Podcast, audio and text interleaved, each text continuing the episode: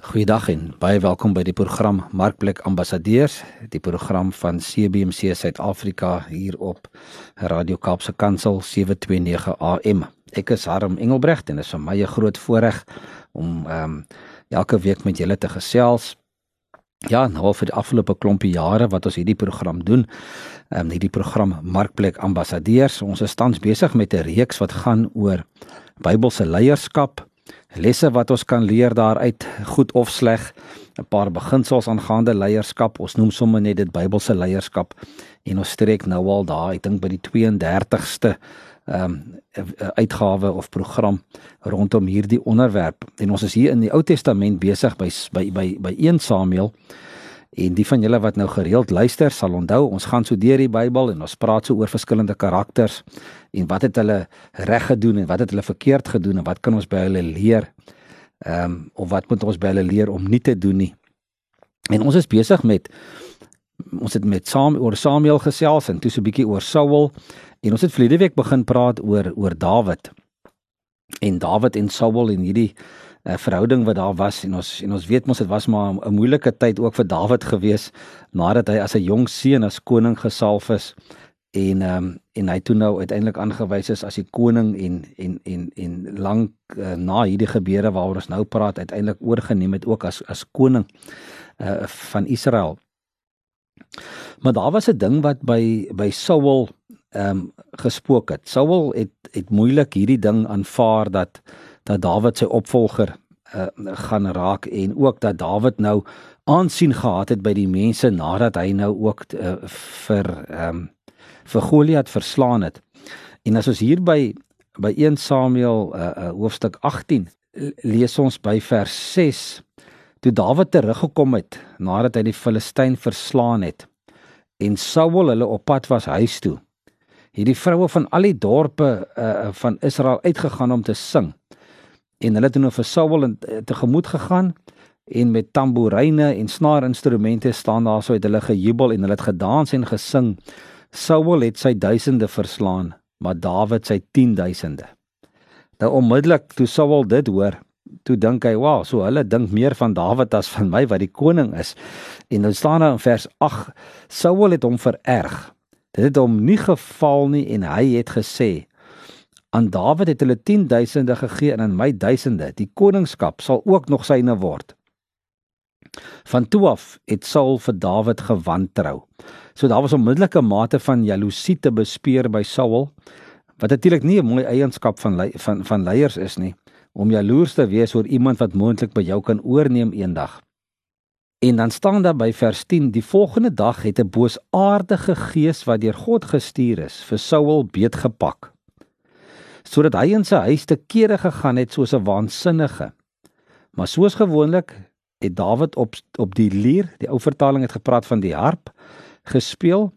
In die hand van Saul was daar 'n spies en toe lig Saul die spies en hy en hy dink ek gaan vir Dawid vandag teen daai muur vaspen.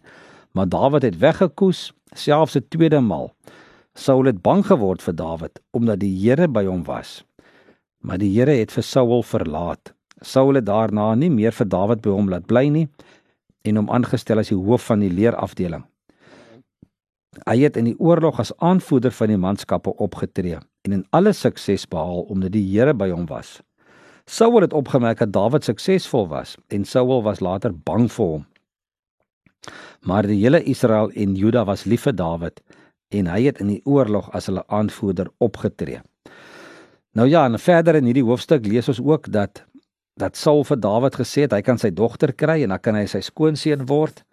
Natuurlik alles 'n plan van hom om te kyk of hy vir Dawid uit die weg uit kan kry en hom kan oorlog toe stuur en dat die dat die dat die vyand hom doodmaak. En uiteindelik eh, eh, het die dogter Mikal is toe die die die die ene wat uiteindelik toe nou vir Dawid gegee is gegee is as vrou. En ehm um, maar wat ons wat ons hier lees is dat dat Saul wou aan sy mag vashou. Saul wou nie afstand doen van sy mag as koning nie. Want koning Saul op daai stadium het besef dat Dawid 'n dapper vegter was, 'n waardevolle spanlid, 'n gehoorsame dienaar, 'n gewilde persoon en ook 'n bevoegde leier. Maar Saul het ook besef dat Dawid hom eendag sou kon opvolg en daarom het Saul hom toe reeds ook as 'n bedreiging beskou. En sake het nou verder bemoeilik geraak en en, en hierdie verhouding wat Saul teenoor Dawid gehad het en hierdie hierdie jaloesie wat hy gehad het, het het vererger. Toe hierdie vrouens nou nog sing, ehm um, dat Saul eintlik die tweede beste daarvan afge, afgekom het deur te sê dat Saul die duisende verslaan maar Dawid maar Dawid 10000de. So Saul se onsekerheid en vrees het hom teen Dawid laat draai. En onsekerheid kan dikwels 'n leier dryf om om dom dinge en selfvernietigende dinge aan te vang.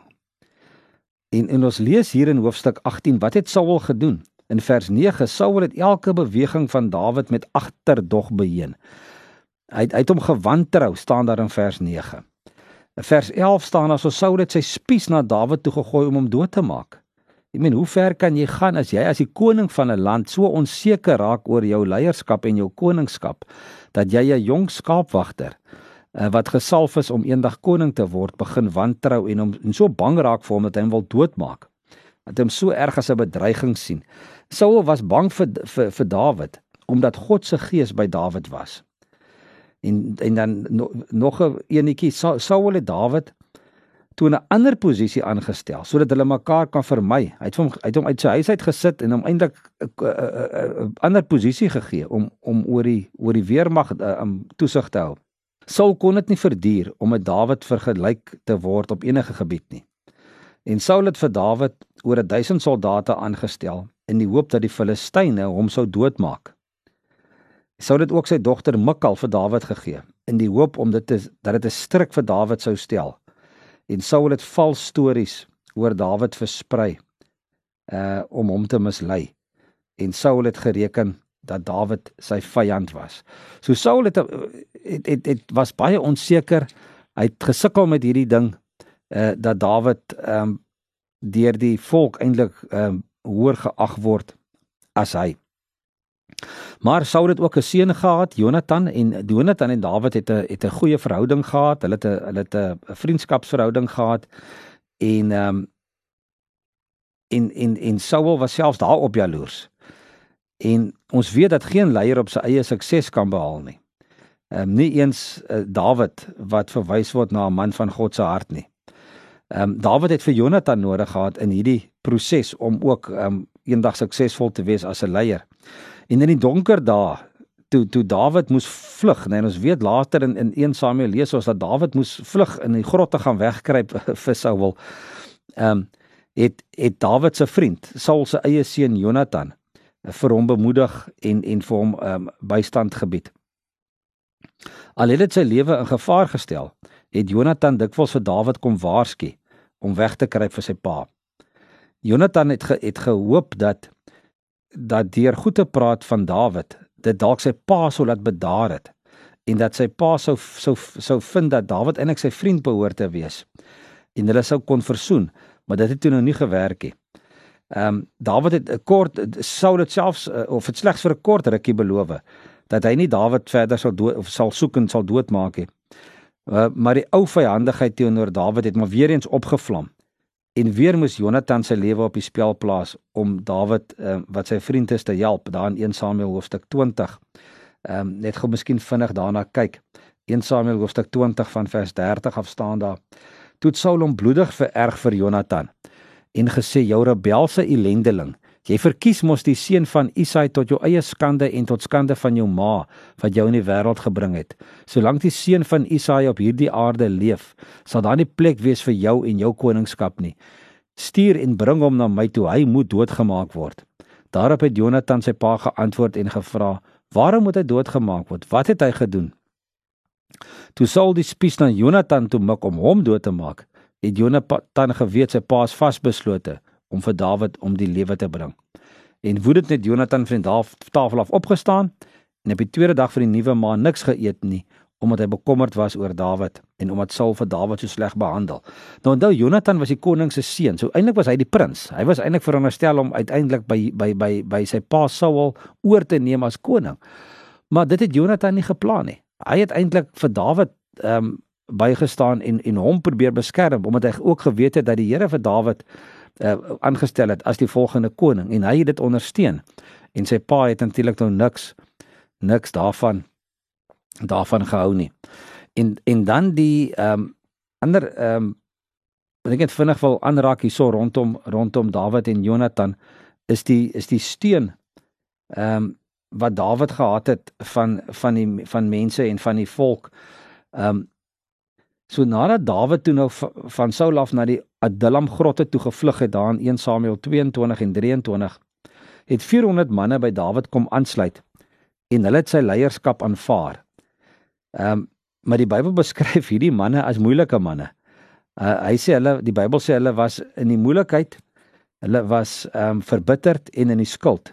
Dit was duidelik dat Dawid hierdie klomp ehm um, noem dit nou maar verloorders sou moes sou moes regkry as doeltreffende as hy 'n doeltreffende leer sou wou opbou of 'n weermag wou opbou.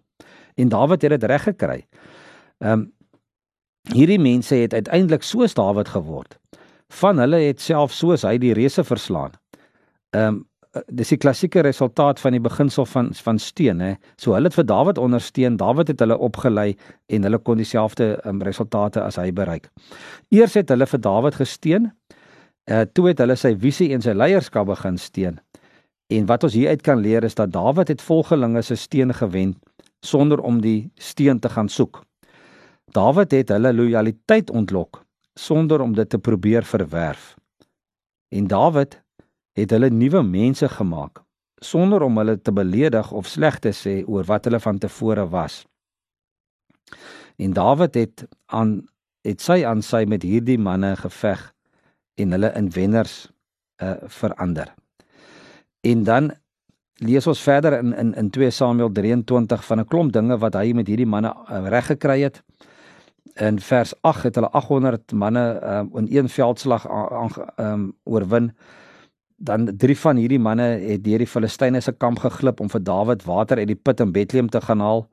Ehm um, in in vers 15 van van hoofstuk 23 en die mense wie se steen Dawid aangetrek het was net soos hy in groot moeilikheid maar onder sy leiding het hulle almal leer veg en en ook oorwin. Die een ding wat ons leer by Dawid is dat deur die feit dat Saul steeltyd vir Dawid gejag het en hom wou doodmaak en hom uit die pad uit wou kry, het Dawid nooit teen Saul gedreig nie. Al was Saul se optrede verkeerd, het Dawid nog steeds Saul as koning gerespekteer en het hy nog steeds ehm um, het sy respek vir Saul nog steeds sy vertroue uh, gewen. So die grondslag van leierskap is eintlik vertroue. Voordat Dawid aan bewind gekom het, het hy respek betoon aan die koning wat hy sou opvolg. Maar Saul het nie hierdie beginsel toegepas nie en uiteindelik sy koninkryk verloor. En daar's 'n opvallende verskil tussen tussen Saul en Dawid se leierskap. Saul was van die begin af selfbewus. Uh Dawid was selfversekerd in God omdat hy geweet het God aan sy kant is. Saul het oortree op die terrein van die priester. Dawid het geen reg of voorreg aangegryp nie. Saul was ongehoorsaam aan God in die klein dingetjies, maar Dawid was weer gehoorsaam aan God, ook in die klein dingetjies. Saul het integriteit verloor deur sy sonde te probeer bedek. Dawid het integriteit behou deur Saul te respekteer. Saul het geweier om voor God gegeewe gesag te buig. Dawid het hom deurgangs onderwerp aan gesag. Saul was baie begaan oor sy eie roem En aan die ander kant het Dawid weer begeer om God se eer te verkondig.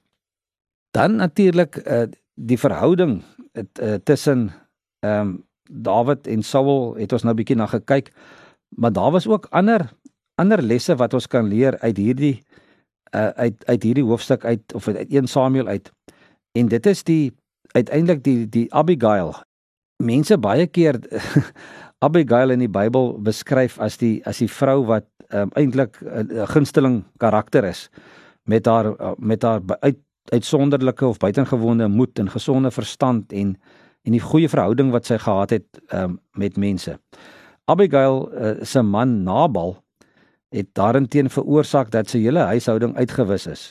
En Nabal uh, se se naam beteken eintlik uh, dwaas en hy het sy naam gestand te doen want hy het volkomme gebrek aan onderskeidingsvermoë vertoon. En ehm um, geweier om vir Dawid se manne te verskaf van die nodige uh, noodsaaklikhede wat hulle nodig gehad het in hulle oorloë. Dawid het sy manne bymekaar gemaak en Nabal se huishouding om die, om die lewe gebring. Maar hy sou dit doen as dit nie vir vir Abigail was nie. So Abigail, hierdie hierdie vrou, ehm um, is 'n paar dinge wat ons kan lees uit leer uit rondom verhoudings en dit kan jy gaan lees in 1 Samuel hoofstuk 25. So net net vinnig die die grondbeginsels van goeie verhoudings. Ware leiers slyp hulle verhoudingsvaardighede op 'n paar maniere. Op die eerste manier hulle ontwikkel in 'n leier se kop. Met ander met ander woorde, hulle begin mense verstaan. Abigail het geweet hoe om Dawid te benader en om haar doel te bereik. In die tweede plek, uh dit ontwikkel 'n leier se hart. Wees lief vir mense. Abigail het die rol van 'n dienaar aangeneem teenoor Dawid sowel as teenoor haar man. Sy was selfversekerd genoeg om te kon buig sonder om te breek. En dan natuurlik ehm um, ont, ontwikkel uh verhoudings ook 'n leier se hand. Hulle help mense. Abigail het vir Dawid en sy manne gegee wat hulle nodig gehad het deur hulle te help het sy ook haar huismense se lewens um, op hierdie manier gered.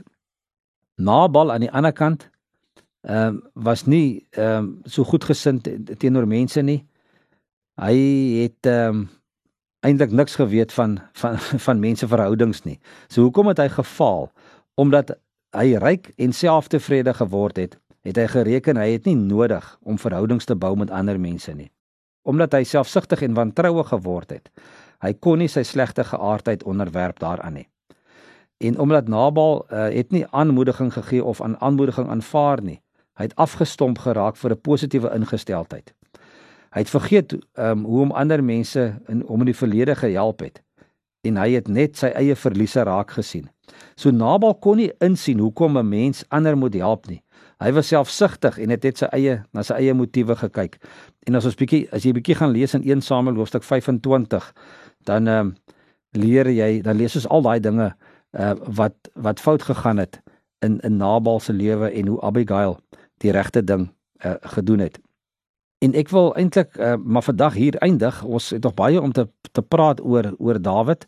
So ek sal maar volgende week met julle verder gesels uh, rondom rondom Dawid en uh, sy verhouding verder met met met met met Saul.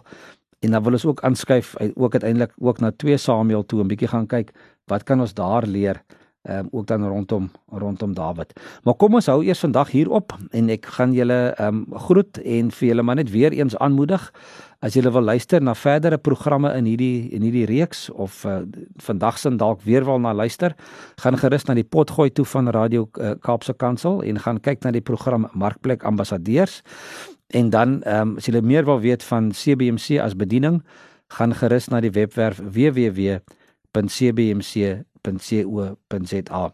As jy uh, meer wil uitvind verder of wil kommentaar lewer, stuur vir my 'n gerus e-pos. Ehm um, ek is Harm Engelbrecht en my e-posadres is admin@cbmc.co.za. Ek groet julle tot volgende keer. Totsiens.